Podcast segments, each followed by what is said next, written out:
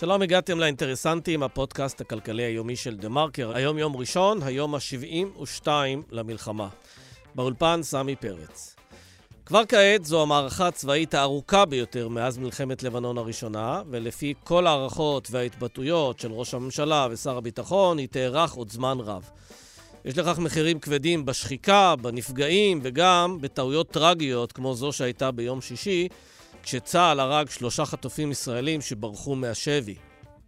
מה שברור הוא ששליטה ביטחונית של צה"ל בעזה, בטווח הנראה לעין, כפי שנתניהו מצהיר, היא אירוע ביטחוני וכלכלי וגם פוליטי מסוג שונה לחלוטין ממה שראינו בעזה בשני העשורים האחרונים.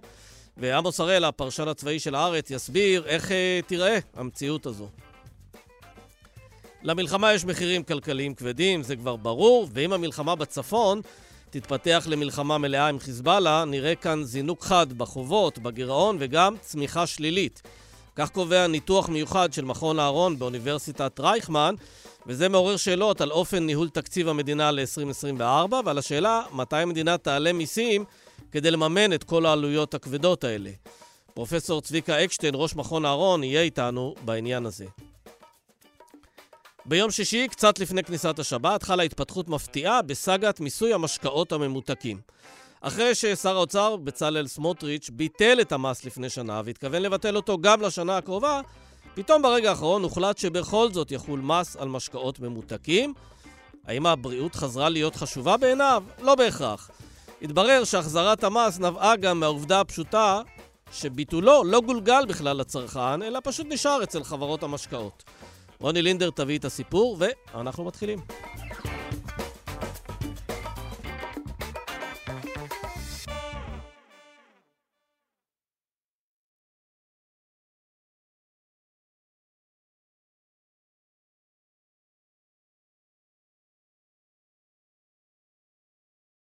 שלום לעמוס הראל.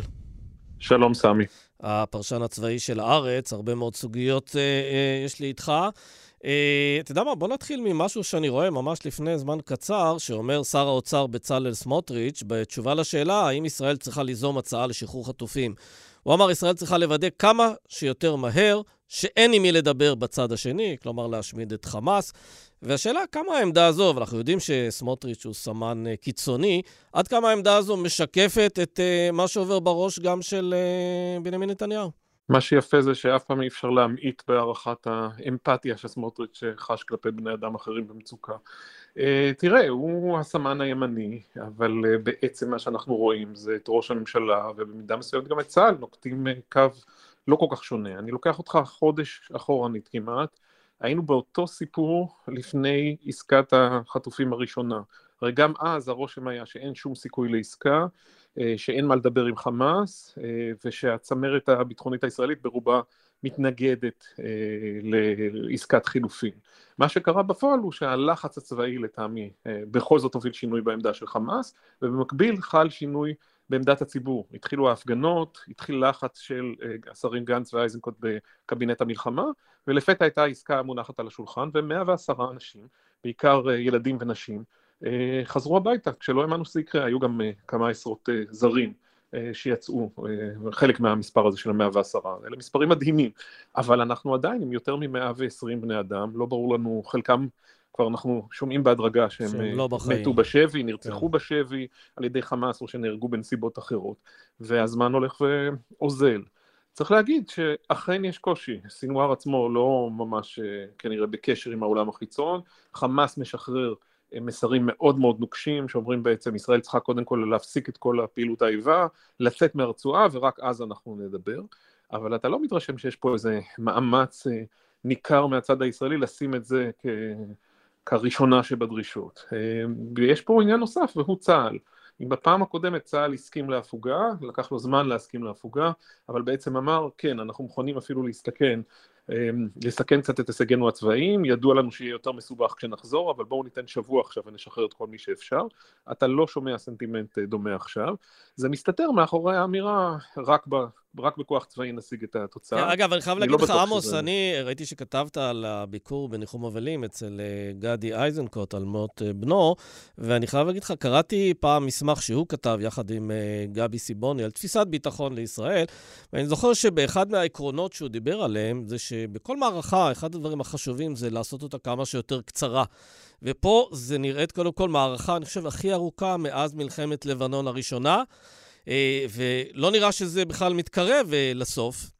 ונשאלת השאלה, האם העמדה של הצבא ביחס לחטופים נגזרת מהעניין הזה, של אם כל פעם שישחררו כמה חטופים צריך להפסיק לשבוע, לשבועיים, אתה נמצא עם כוחות שנמצאים הרבה מאוד זמן שם, הרבה מאוד אנשי מילואים, אה, גם עלויות כבדות וגם שחיקה וגם טעויות, כמו שראינו למשל, מה שקרה ביום שישי, כשצה"ל בעצם הרג שלושה חטופים ישראלים.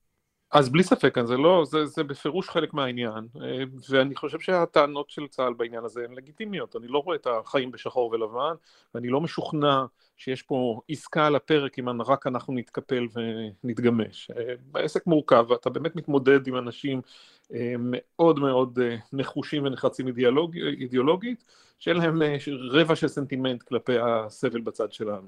אין פה תוצאות מובטחות או מסלול מובטח אה, להצלחה. אני רק אומר שהגישה, אה, כמו שמפגין אותה סמוטריץ' ובמידה מסוימת נתניהו, שככה דוחה את הסיפור הזה ואומרת אנחנו נפתור את זה באמצעים צבאיים, אה, לא מבטיחה הרבה בנסיבות שבהן אתה יודע ש... כמעט מדי יום אתה שומע על מותו של חטוף נוסף. אגב, גם מהמקרים... בצבא מחזיקים בתפיסה שהלחץ הצבאי הוא זה שיביא לשחרור החטופים, או שזה, אתה יודע, מגומגם כזה? הייתי מבדיל בין אה, ההסבר של המצב לאחור, ששם בפירוש הם אומרים, כן, אנחנו לא היינו מגיעים לזה בלי ההישג הצבאי, לא היינו מגיעים לשחרור החטופים, ויש בזה משהו כי, אני אומר לך, גם מבדיקה בזמן אמת וגם מחיתות אה, מאוחר בזה, בשבוע שלפני אה, תחילת התמרון, אנחנו מדברים על סוף אוקטובר, חמאס לא היה רציני בעניין עסקה, זה קרה הרבה יותר מאוחר. האם קדימה הם משכנעים את עצמם או אותי באמירה שרק כוח צבאי ישיג את זה, אני קצת מפקפק, יש לי תחושה שהם כבר אה, אה, עדיין, הם כבר בעצם כבר נתקעו באיזושהי פוזיציה שהם מתקשים לשחרר ממנה.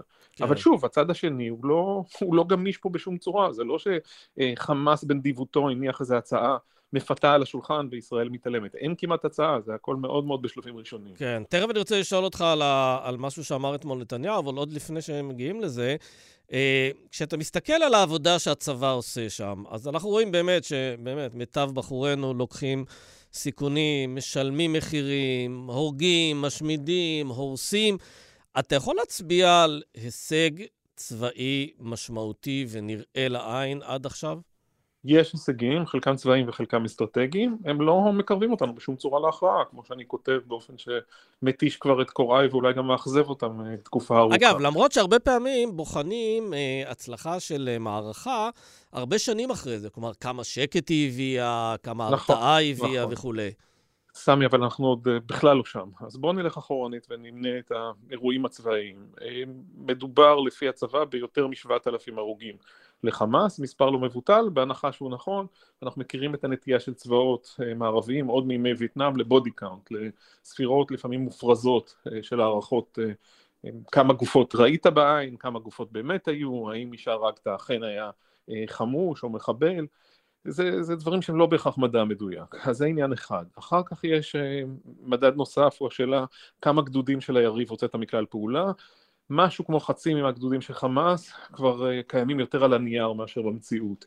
אבל חמאס זה ארגון גרילה, לא תמיד הם צריכים את המאות אה, לוחמים כדי להתארגן. אם באזור שכבר נכבש, נגיד סג'איה, שאפילו שם כבר יש הישגים נרחבים של צה"ל, אז הגדוד קרוב להשמדה, האם זה אומר שאין עדיין התנגדות? לא, עדיין יכולים גם עוד שבוע לצאת לך שלושה מחבלים מתוך מנהרה, לראות כמה רקטות RPG, אם הטנק או הנמר עומד... לא, אבל עמוס, אם אתה אומר לי שצה"ל שולט בסג'איה ובח'אן יונס ובג'באליה, מאה אחוז, אבל זה עדיין לא מטרת המלחמה, לשלוט בסג'איה. נכון, נכון, לכן אתה צריך לא לבלבל פה בין הישגים בשטח שמביאים הם, הרג של חמאס, פגיעה בנכסיו, אה, השמדת אה, אתרים ומתקנים ואמצעי לחימה, לבין אה, הבסת חמאס. כל הזמן אתה מחכה לנקודה הזאת שבה יישמע הקנק, שבה הארגון אה, אה, יתייאש, רוח הלחימה שלו תפחת ובעצם ישראל תעשה כרצונה. אנחנו לא נמצאים שם. יש ככל הנראה הנהגה יושבת באזור ח'אן יונס מתחת לאדמה, אלה כל ההערכות.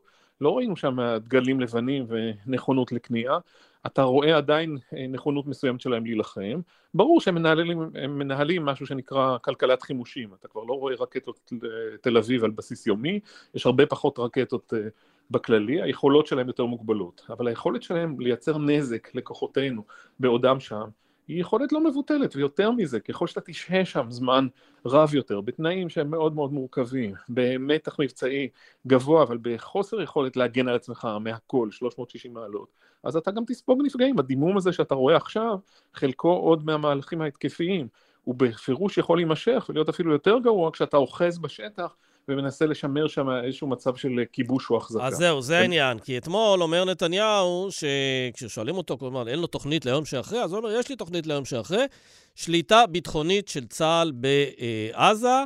אה, אבל זה לא נותן שום תשובה לשאלה מי בעצם מנהל שם את העניינים, מי יפעיל את מערכת החינוך, מערכת הבריאות, את הביוב, מי, אתה יודע, מי בכלל, יודע, שיטור, דברים בסיסיים שצריכים לעשות שם, מה שכן קיים ביהודה ושומרון, אפשר להתווכח אם זה נעשה בצורה טובה או לא. אז הוא אומר, לא חמאס, לא רשות פלסטינית, צה"ל שולט ביטחונית, אבל עדיין אתה מקבל רצועה של שני מיליון אנשים עם כאוס מוחלט. אה, איך הצבא רואה את זה?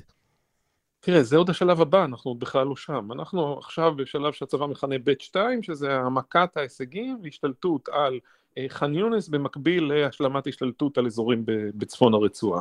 אחר כך, לפי ההבנות עם האמריקאים, אמור להיות שלב שבו ישראל מושכת החוצה, כלומר, מרכזת כוחות באיזשהו פרימטר, באיזושהי רצועת ביטחון אה, שהיא בונה שם, של אולי מוצבים וטנקים ומגננים, אה, שאמורים למנוע מאנשי אה, אה, חמאס להתקרב לגדר ולפגוע ביישובים, אז זה אה, מהלך אחד. זו, זה ו... כבר אומר, אגב, שלא נחזור ליום שבו שני גדודים מחזיקים את כל רצועת עזה, כן? לא, בוודאי שלא. זה כבר לא יקרה, יצטרכו להיות שם עם אה, פריסה הרבה הרבה יותר נרחבת, בכלל בשביל לשכנע את התושבים לחזור, אבל עוד, עוד חזון למועד.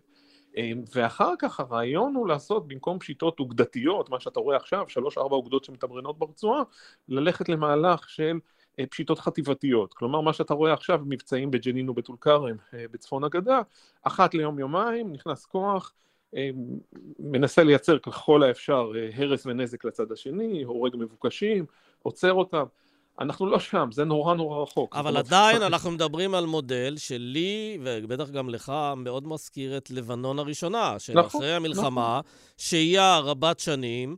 אה, דימום כזה של אה, תקופות שיש יותר, תקופות שיש פחות, אבל כל שנה 20, 30, 40 חיילים הרוגים. זה, וזה במקרה הטוב, אנחנו כרגע על 2-3 הרוגים ליום ועוד לא השלמנו כלום. אני, הסיפור הזה הוא ארוך ומורכב, ונתניהו משאיר מעורפל לחלוטין את כל השאלות האלה של היום שאחרי, אבל אתה צריך לעבור קודם ביום שלפני, אתה צריך עוד להגיע להישגים צבאיים שעוד לא השלמת אותם. האמריקאים אומרים לך, לך לגישה ב', תהיה סבלני, אנחנו נסייע, אנחנו ניתן לכם אה, גב בינלאומי מצד אחד וסיוע בחימוש ומלאים מצד שני, תגיע לזה בהדרגה. זה לא מאוד משכנע, ותשים לב שנתניהו רוקד על שתי החתונות. עכשיו, בעודו למשל מסרב להיפגש עם משפחות של חטופים, הוא כן מקריא אה, בהתרגשות מכתב של פורום אה, חדש של משפחות שכולות, של חיילים שנפלו בלחימה בעזה, שקורא לו לא להרפות ולהמשיך עד הסוף. אז מצד אחד יש לכאורה הבנות עם האמריקאים, שמדברות על שינוי שלב ועל מעבר למתכונת חדשה. בתוך שבועות אחדים, ומצד שני אתה פה באירוע אחר של ראש ממשלה שמהתמרונים הפוליטיים שלו בכלל, וזה מה שעומד לנגד עיניו, אה, מדבר איתך על המשך המלחמה.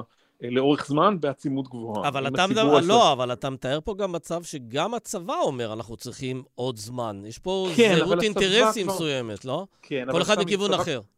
כן, אבל הצבא קצת מדבר אחרת, הוא אומר, אה, חלק, חלק מהקצינים אומרים דרושים לנו כמה חודשים, אתה שומע את זה גם משר הביטחון, וחלק כבר אומרים בעצם, תשמעו, אנחנו נסתדר עם כמה שבועות ובואו נשנה מתכונת. אבל שוב, גם האנשים האלה לא מבטיחים לך הצלחה, אנחנו באמת במלכוד ביטחוני גדול, אין פה תבוסה ישראלית, אבל צריך לזכור, בשבעה באוקטובר נחלנו פה כישלון עצום, ומה שאנחנו עושים מאז זה ניסיון לצמצם את הפער, זה נכון, ברצועה סובלים יותר, ההרס הוא עצום בלי השוואה, יש הרבה יותר הרוגים הן אזרחים והן חמושים בצד שלהם מאשר בצד שלנו, אבל זה לא, זה לא מייצר לך שום דבר שדומה לאיזושהי הכרעה או ניצחון בינתיים. אז חלק מהאופטימיים אומרים לך סבלנות, בסוף יבוא רגע הקריסה, ראינו את זה גם בחומת מגן ואחריה, ואפילו סנוואר הקנאי לא יכול להחזיק בתנאים כאלה לנצח, ראה את הכאוס, ראה את תמונות הכניעה.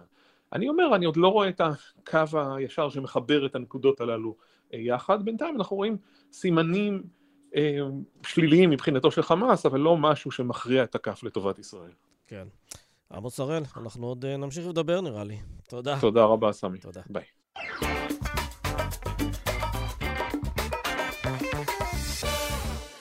שלום לפרופסור צביקה אקשטיין. שלום, שלום, סמי. יושב ראש אה, מכון אהרון באוניברסיטת אה, רייכמן, לשעבר המשנה לנגיד בנק ישראל. אה, אתם מפרסמים בבוקר, מכון אהרון, מין ניתוח כלכלי של השפעות המלחמה על כלכלת ישראל והמלצות למדיניות, כשהבסיס של זה זה תרחישים ביטחוניים שבכלל גובשו על ידי שני אלופים לשעבר, עמוס ידלין וגיורא איילנד. ואתם אומרים, יש תרחישים של לחימה מול עזה, ויש תרחישים שבהם זה מתפתח משמעותית יותר למלחמה אמיתית בלבנון, ואז אנחנו מדברים על מצב שבו הצמיחה ב-2024 תהיה מינוס 2 אחוזים. זה תרחיש שאתם נותנים לו, אה, או בוא נאמר, הביטחוניסטים נותנים לו הסתברות איזה? תראה, תלוי. אה, הסתברות זה תלוי גם אה, בצעדים שיינקטו בנושא הזה, כי גם בתרחיש הראשון אנחנו כן מניחים שתימשך הייתי קורא לזה המלחמה בעצימות נמוכה שנמצאת שמה, ונגיע לתוצאה מדינית. היום בעצם השאלה היא האם אפשר להגיע לתוצאה מדינית אה, שהכוחות הרדואן אה, יורחקו מהגבול בצורה מספקת שתכניס ביטחון. אה, אני הייתי אומר שכרגע בהינתן התנאים המדיניים נותנים לזה סדר גודל של 30-40 אחוז הסתברות שאכן נגיע למלחמה משמעותית יותר.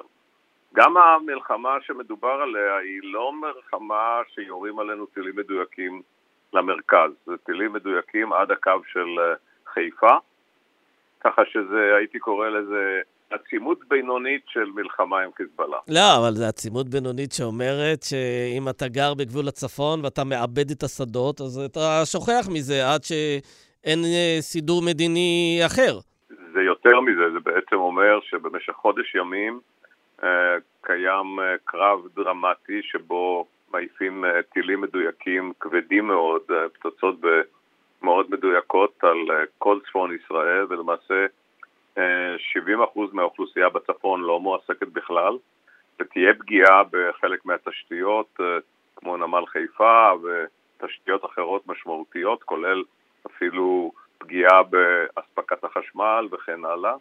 ועל הבסיס הזה אנחנו בעצם uh, מעריכים שתהיה פגיעה בתוצר מאוד משמעותית, למעשה התוצאה של זה זה גידול דרמטי בשיעור הבלתי מועסקים uh, שמגיע ל-400 אלף לעומת 300 אלף ברבעון uh, הרביעי. זה יקרה להערכתנו או להערכת התרחיש, זה עשוי לקרות בחצי השני של הרבעון הראשון ולרדת במשך חודש ולרדת ברבעון השני, אה, וזה עיקר הפגיעה לעומת התרחיש הראשון האופטימי, שבו אנחנו אה, מצליחים להגיע להבנות אה, ביטחוניות על גבול הצפון ללא עצימות גבוהה של מלחמה. כן, ואז השאלה היא, אוקיי, זה כמובן מגדיל את הגירעון, מגדיל את יחס החוב-תוצר בצורה משמעותית, אבל כשיש הסדר אנחנו משתקמים מזה מהר מאוד, כמו שראינו נגיד בקורונה,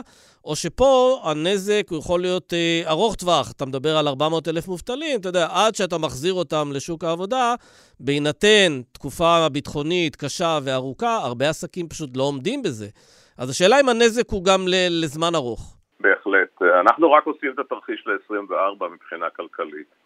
אני חושב שבכל מקרה, המצב הביטחוני שנוצר כתוצאה מהשבת הנוראה של השביעי באוקטובר.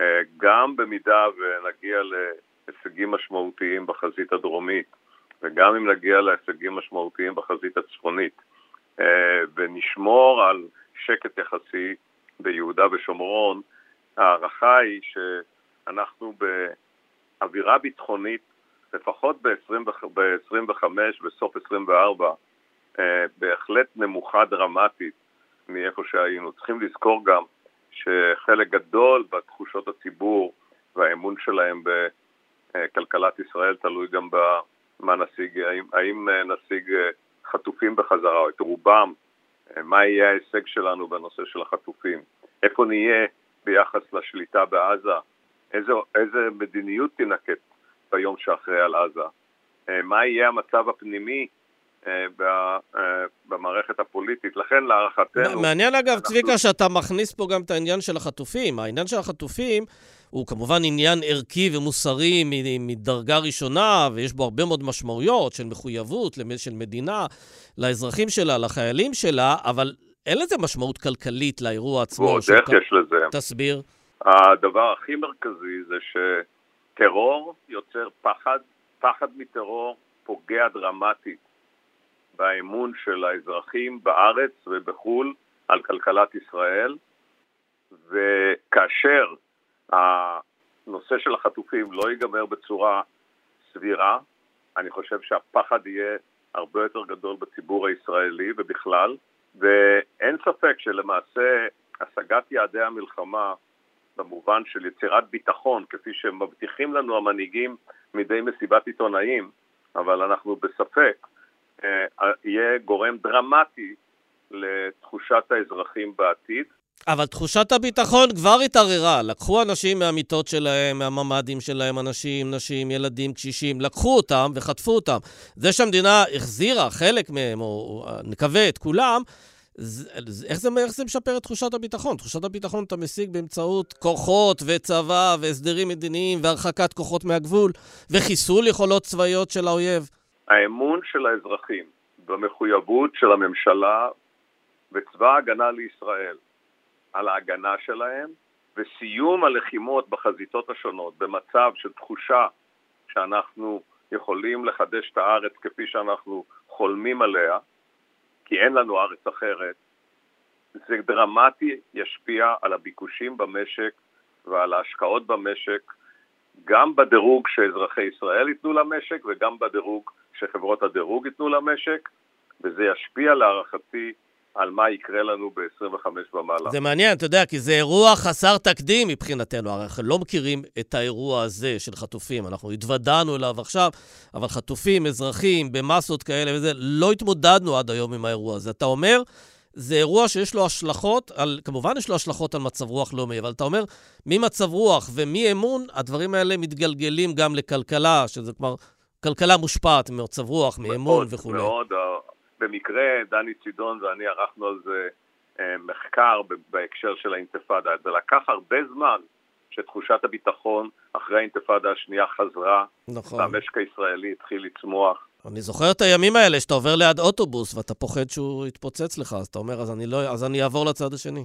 נכון, ותחושת הביטחון שתהיה בצפון, אה, אם היא לא תהיה חזקה, תזכור שבשישי באוקטובר אנשי הצפון לכאורה לא חששו, כי הם האמינו שמדינת ישראל יודעת לשמור עליה, ואנחנו יודעים שהיום תחושת הביטחון שלהם אה, נפגעה קשות, ומדינת ישראל צריכה לעשות הרבה יותר כדי להחזיר אותה, ולכן אנחנו די אה, באי ודאות לגבי הביקושים במשק והצמיחה של המשק בעתיד, אבל אני אגיד את זה חד משמעית, במידה ונראה התייצבות משמעותית אה, צבאית, ביטחונית ומדינית בשלושת החזיתות שציינתי, אני חושב שזה ישנה דרמטית את אה, הביקושים להשקעות במשק ולצריכה כן. צריכה במשק, ויהיה לזה השפעה דרמטית על איך נראה ב-25. Okay. אוקיי. לקחת את מה שקרה ב-2006 אה, אה, ולתת לזה מספר היום, לדעתי זה יהיה uh,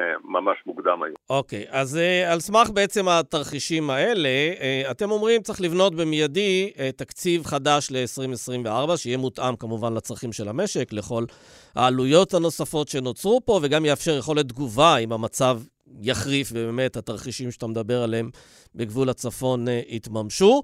ואתה אומר, אה, צריך אה, לעשות הסטות תקציביות וביטול כספים חלוקתיים, או כספים קואליציוניים, מה שאנחנו נקראים, קוראים, בהיקף של לפחות 15 מיליארד שקל.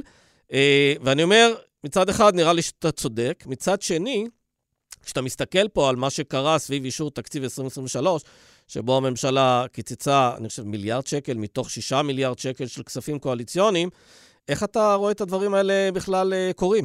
קודם כל, העובדה שזה נעשה ב-23 כפי שנעשה, ויכלו לקצץ ולהסיט עוד לפחות אה, שני מיליארד שקל, זה נתן, אה, הייתי קורא לזה סיגנל לא טוב על מה שהולך לקרות ב-24, אבל אולי הם יתעשתו, אולי הם יבינו שאנחנו נמצאים בעולם אחר ולא יעשו את הצעדים האלה ב-24. אני חושב שזה קריטי, קריטי לגבי מדינת ישראל לעשות צעדים משמעותיים שימנעו אה, השקעה בכספים שאין להם תמיכה בצורך לתמיכה במלחמה, עם כל ההיבטים שלה, עם כל הנפגעים שלה, כולל בצפון, כולל בדרום, אה, כולל המילואים, אבל אה, עוד יותר מכך, כבר צריכים לעשות כמה צעדים שיראו שאנחנו עדיין דואגים לרפורמות מוחות צמיחה, במיוחד בתחומים שבהם לא נדרש אה, תקציב משמעותי, אבל כן נדרש סדרי עדיפויות משמעותיים. אז מאיפה מביאים 15 מיליארד שקל?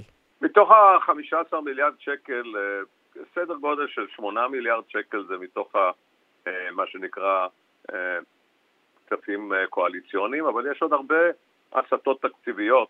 למשל, יש כל מיני הנחות לאנשים שלא עובדים בעונות יום וכן הלאה, אז מיצוי כושר השתכרות הוא קריטי. יש משרדים עודפים, יש 34 משרדים, לדעתנו אפשר להסתפק ב-15 או 16 משרדים, זה כשלעצמו יוריד תקציבים רבים שהולכים דברים שאין בהם אה, תמיכה דרמטית בצמיחה או במאמץ המלחמתי, ויש אה, עוד כמה דברים שניתן לטפל בהם. אגב, בעניין של המשרדים, אנשים חושבים שזה רק ביטול המשרד, אבל צריך להבין שזה גם...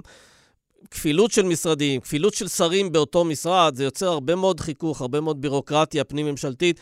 זה פוגע בעבודת הממשלה. כלומר, יכול להיות שאתה אפילו חוסך, בלי לחסוך רק את תקציב המשרד, אתה חוסך פשוט בהנאה של המשק, אתה חוסך כסף. כן, אבל יש גם עוד הרבה פעילויות למשרדים האלה שביחד מסתכמים לכמה מיליארדי שקלים.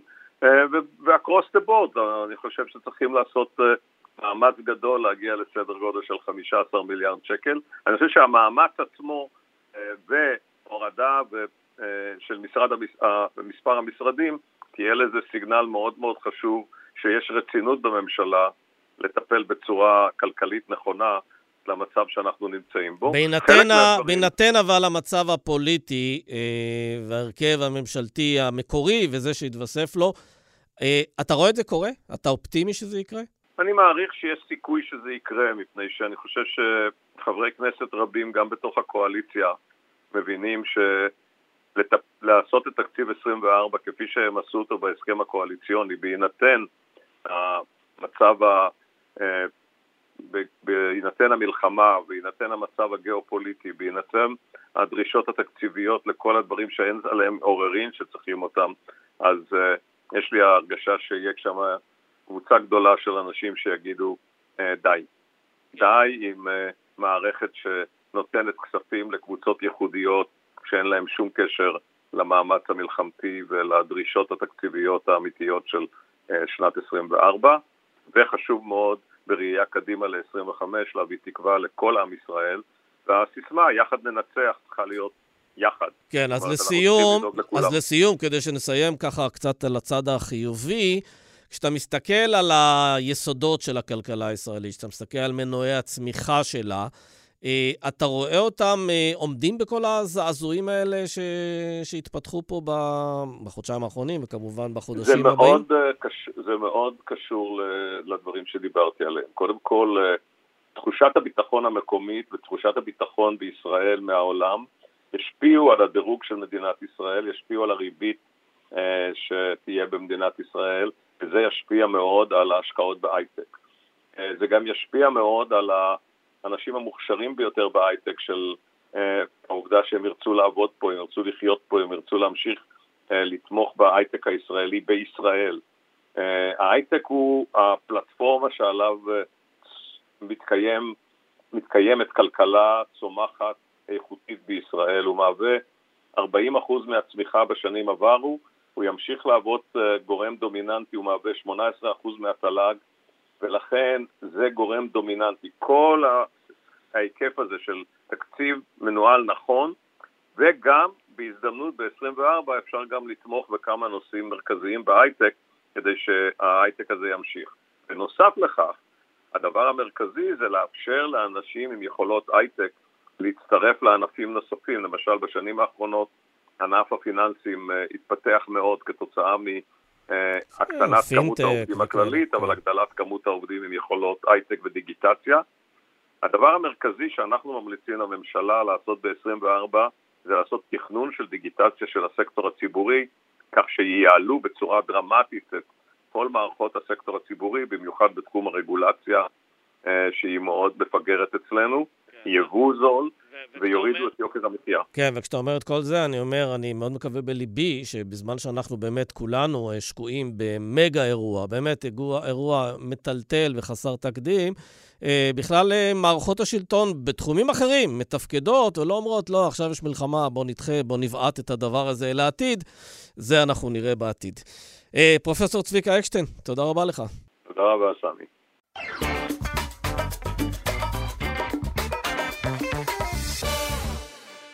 שלום רוני לינדר. היי סמי. מומחית בריאות, חברת סגל בכירה באינטרסנטים. אה, תשמעי, אני רוצה לדבר איתך על מס הסוכר. הסאגה הזו לא מסתיימת. אה, אחרי שכבר אה, שר האוצר סמוטריץ' ביטל את המס על הסוכר, אפילו קרא לו פעם המס המטורלל, אה, הוא רצה לבטל אותו שוב, ופתאום ברגע האחרון משהו קרה ביום שישי האחרון, והמס הזה יוחזר. נכון. תעשי לי סדר. קודם כל, אני, קודם כל אני רוצה לברך על זה. זו תוצאה שאנחנו חתרנו אליה וקיווינו וציפינו לה, ו, והיינו מאוד מתוסכלים מהאופן שבו המס הזה בוטל, כי המס הזה בעצם מאוד הוכיח את עצמו בתקופה המאוד קצרה שהוא... הוכיח את עצמו באיזה מובנים? ב... כי היו לו שתי תכליות, גם לצמצם תחלואה נכון. ולהקטין סכרת כמובן, אבל גם להכניס כסף לקופת המדינה כדי לממן אולי את נזקי הבריאות שהסוכר גורם. נכון, והוא הגשים את שתי המטרות האלה. אה, גם אה, צמצם את הצריכה, בעיקר של מה, שמוס... אה, מה שקיבל את המס הגבוה, שזה משקאות עתירי סוכר, לעומת משקאות דיאט שהיה מס יותר נמוך וגם הצריכה שם פחות ירדה. זה כמובן, זה בדיוק הציפייה, כן? מה שממוסה יותר גבוה, הירידה בצריכה יותר גדולה. וכמובן, השיג גם את המטרה השנייה, שזה הכנסות של כ-800 מיליון שקלים לקופת המדינה, פה אני אגיד בכוכבית שחבל שהם לא, לא חלק יותר גדול מהם הלך לטובת בריאות הציבור, כי אז אולי המס הזה היה יותר קשה לבטל אותו. כן, אז בעצם אה, היה ברור שמשרד האוצר ממשיך את הפטור הזה, ואז פתאום קרה משהו אה, בשבוע האחרון והחליטו להחזיר אותו, וזה כי גילו שמה? שהכסף הזה... בעצם שהעלאת המס הולכת יותר, ל... או ביטול המס הולך יותר לכיסם של אה, יצרני המשקאות. אז יש את הגרסה הרשמית ואת הגרסה הלא רשמית, ואגב, שום דבר, גם הגרסה הרשמית וגם הלא רשמית הם לא בכתובים או משהו כזה. זה לא סופי, את אומרת. קודם כל, זה לא סופי, כי יש אה, משהו כמו שבוע וחצי, עד ל-27 לחודש, להערות הציבור. זה זמן שבו כל השחקני הווטו יכולים להשתולל, שזה מחברות המשקאות ועד ש"ס, שאנחנו עוד לא לגמרי יודעים איך הם אה, מגיבים, כי הם עוד לא הגיבו פומבית לדבר הזה. נזכיר רק שהמס הזה הוא אה, היה ציפור נפשם, ובעצם בסמל הקמפיין שלהם. גזירות ליברמן, אם אתה זוכר, וממש מלחמת דת הייתה סביב הדבר הזה. אז, אז הגרסה הרשמית אומרת ש, ש, שקרו שני דברים. א', גילו את אמריקה ברגע שביטלו את, ה, את המס הזה, הצריכה חזרה לזנק, שזה כמובן תוצאה גרועה מאוד, כן. אבל זה ממש היה צפוי. כל, כל בר דעת היה יכול לצפות את זה. והדבר השני, וככה יותר מעניין שהם גילו, זה שחברות המשקאות היו כנראה קצת יותר מדי גרידיות, והם בעצם לא גלגלו לצרכן את, ה, את הפחתת המס. אגב, אם היו שואלים אותי, הייתי אומר להם, תשמעו, הניסיון מלמד שלמשל כשמורידים את המע"מ באחוז אחד, הרבה פעמים היצרנים, המשווקים, המסעדות, נגיד אם המנה עולה במסעדה 60 שקלים והמע"מ ירד מ-18 ל-17 אחוזים, אף אחד לא בא ומעדכן לך את התפריט בהתאם, אז הרבה מאוד כסף בכלל לא מגיע לצרכן, ברור, זה, זה, לא, זה, זה לא היה קשה לנחש שזה מה שיקרה, אבל עכשיו יש הוכחות שזה קרה, שזה גם קצת יקשה על ש"ס לדעתי. להגיד שמתעללים פה בכיס של הקהל שלהם, כי גם ככה הקהל שלהם לא הרוויח כל כך, לא הרוויח את כל מה שהוא היה אמור להרוויח מהדבר הזה.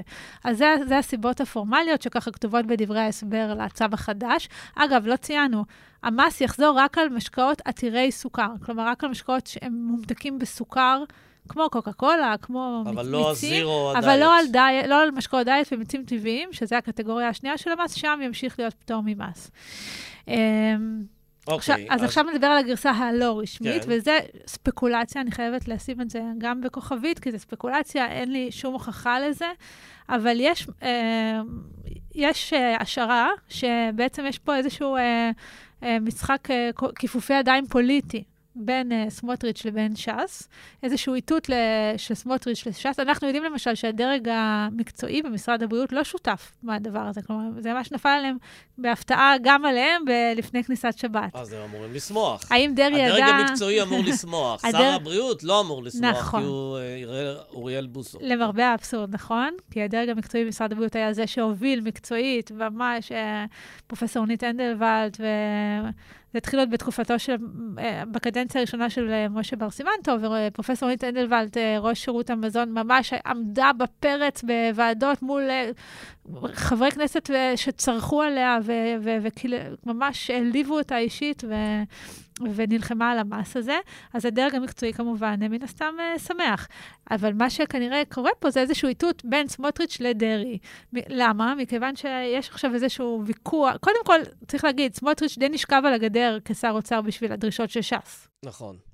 אז הוא מן הסתם מרגיש שש"ס... הוא אגב גם דיבר על זה, שהוא אומר, אתה רוצה להחזיק קואליציה, אתה צריך לשלם את המחירים האלה, לתת לכל אחד את מה שהוא צריך ומה שכואב לו. אבל בסוף הוא זה שספג את כל האש וכל הכתבות השליליות. אבל זה שרי האוצר הם תמיד שקי חבטות, לא, לא, אני רק כן. מנסה להסביר את זה מהעיניים שלו. ובתמורה, מה שהוא מקבל, ומה שמעורר כנראה את זעמו, זה, זה ההתעקשות של ש"ס uh, שלא לדחות את מועד הבחירות uh, לרשויות המקומיות. זה ממש, יש שם גם הצעת חוק שחבר מהמפלגה שלו הגיש נגד הדבר הזה, ויש שם עימות מאוד גדול מאחורי הקלעים, ויכול מאוד להיות שזה איזשהו איתות של סמוטריץ' לש"ס, אני יכול להכאיב לכם בכל מיני הם דברים. הם כאילו מתמודדים חלק באותם יישובים, גם הציונות הדתית של סמוטריץ' וגם ש"ס. אנשי ש"ס פחות משרתים בצבא מאשר אנשי הציונות נכון. הדתית, ואז זה נותן יתרון. נכון, הציונות הדתית אומרים שאחוז לא קטן מהמועמדים, מהמועמדים שלהם אפילו עדיין במילואים. ושאי אפשר להתארגן ככה לבחירות, יש להם... כן. אגב, אני יכול להעלות בדעתי עוד דבר. דיברתי קודם עם פרופסור צביקה אקשטיין, שמעריך שבתקציב 2024 אה, יידרש קיצוץ של 15 מיליארד שקלים. יצטרכו להביא אותם, את כל הכספים הקואליציוניים וכולי. שוב, זה אומר הרבה יותר לחץ על סמוטריץ', על נתניהו וכולי, ואז זה אומר, טוב, אנחנו נצטרך להביא את זה מאיפשהו, ואם אנחנו נרצה לחתוך לאחרים, אנחנו נצטרך גם להביא את להראות. זה מאיפשהו, להראות כן. איזו דוגמה אישית. ויכול להיות שמס הסוכר פחות כואב לו ויותר כואב לדרעי. נכון, ובואו נגיד את האמת, זה, המס הזה הוא אחד הצעדים הכי מוצדקים אה, מקצועית, באמת, לווה פה בתהליך מקצועי מאוד גדול, ובוטל בצורה באמת חסרת אחריות ובלי שום נימוק מקצועי. אני רק יכולה להקריא לך... תקריא, איזה... תקריא. אני אקריא. לך שני ציטוטים מתוך הישיבה, אחת ההזויות שיצא לי לסקר ב- לפני שהוטל המס, כאשר uh, כל החבר'ה האלה היו באופוזיציה, זה היה ממשלת השינוי, הם היו באופוזיציה, והם באו להילחם. אז סמוטריץ' עצמו אמר את הדברים הבאים, הוא אמר, זה מס מטורלל, שלא יפחית צריכה כי הוא נמוך. אין לכם מושג כמה אני שמח שאתם מטילים אותו, Uh, כי, כי בעצם הוא אומר, אני, אנחנו אחרי זה נעשה את אותם דברים uh, כלפיכם. הוא אמר, uh, המדינה מחליטה לחנך את הציבור בפטרנליזם חזירי, בעיניי זה מופרך והזוי. אפשר לחנך, להסביר ולסבסד, הכי קל להטיל מיסים. ואז הוא אמר, אני שמח, כי כשנחזור לשלטון, אנחנו נמסד דרמטית את המזון של חתולים וכלבים. אני חושב שלגדל כלבים וחתולים זה תחביב כמו שתייה מתוקה שעושה המון נזק. עושים קקי בגינות, מפחידים ילדים, נובחים בלילה ומעירים אנשים.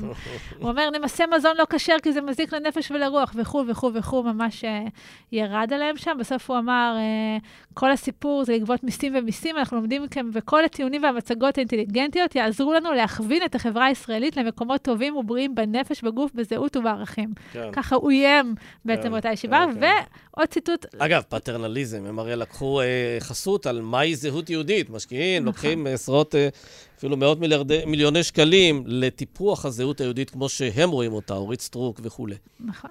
אבל זה נאמר, אה, דברים שרואים משם לא רואים מכאן. אבל אני חייבת להקריא לך עוד ציטוט מדהים שהיה של משה גפני מיהדות התורה אה, באותה ישיבה.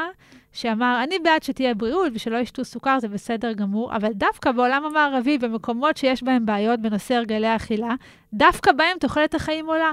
הקדוש ברוך הוא מנהל את העולם בסופו של דבר. האמת, אם זה ככה, אז נראה לי אנחנו מסודרים. למה אנחנו צריכים תקציב? למה אנחנו צריכים סדרי עדיפויות? האמת, למה אנחנו צריכים בחירות, אם הקדוש ברוך הוא מסדר את הכל? שאלה טובה. שאלה טובה.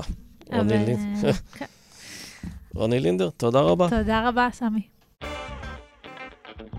עד כאן האינטרסנטים להיום. נגיד תודה לאברי רוזן צבי ולנהרם מלקין שעורכים אותנו. אנחנו נהיה פה כרגיל מחר. תודה ולהתראות.